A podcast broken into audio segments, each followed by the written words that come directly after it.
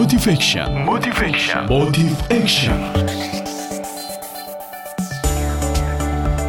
Bismillahirrahmanirrahim.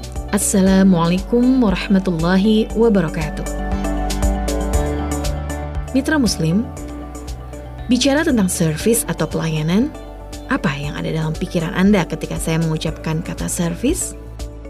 Ya, kepuasan. Betul, mitra Muslim.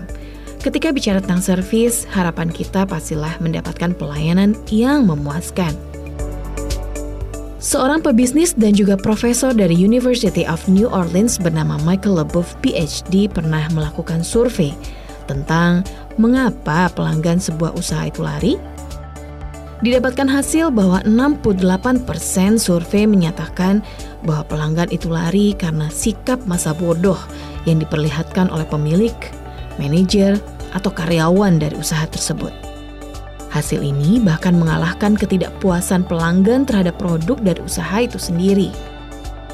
Ya, di sini bisa kita lihat, ternyata sentuhan pelayanan dari orang-orang yang bersentuhan langsung dengan konsumen memiliki dampak yang sangat signifikan terhadap kebertahanan pelanggan pada setiap lini bisnisnya.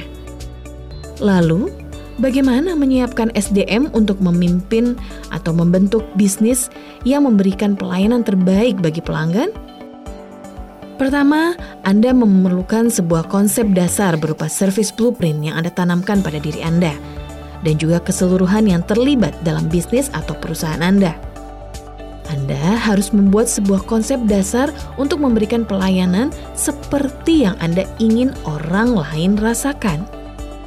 Anda persiapkan aturan yang jelas tentang bagaimana setiap orang yang bertugas di setiap bagiannya memberikan pelayanan sesuai standar yang Anda tetapkan. Bagaimana security menjalankan tugasnya ketika bertemu dengan para tamu yang akan memasuki kantor Anda? Bagaimana pula petugas customer service menjawab telepon dari customer yang sedang komplain terhadap produk yang dibelinya ternyata tidak sesuai dengan harapannya? Dan jangan lupa perhatikan pula bagaimana sang manajer bersikap kepada seluruh staf yang dipimpinnya. Apakah sudah sesuai dengan yang Anda inginkan? Apakah sudah sesuai dengan service blueprint yang Anda ciptakan? Teruslah kawal dan jangan sampai Anda lengah.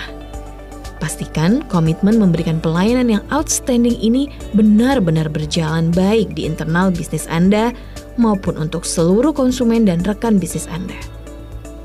Pastikan terus berjalan dengan baik, karena bila tidak, Anda sudah tahu kan ya konsekuensinya?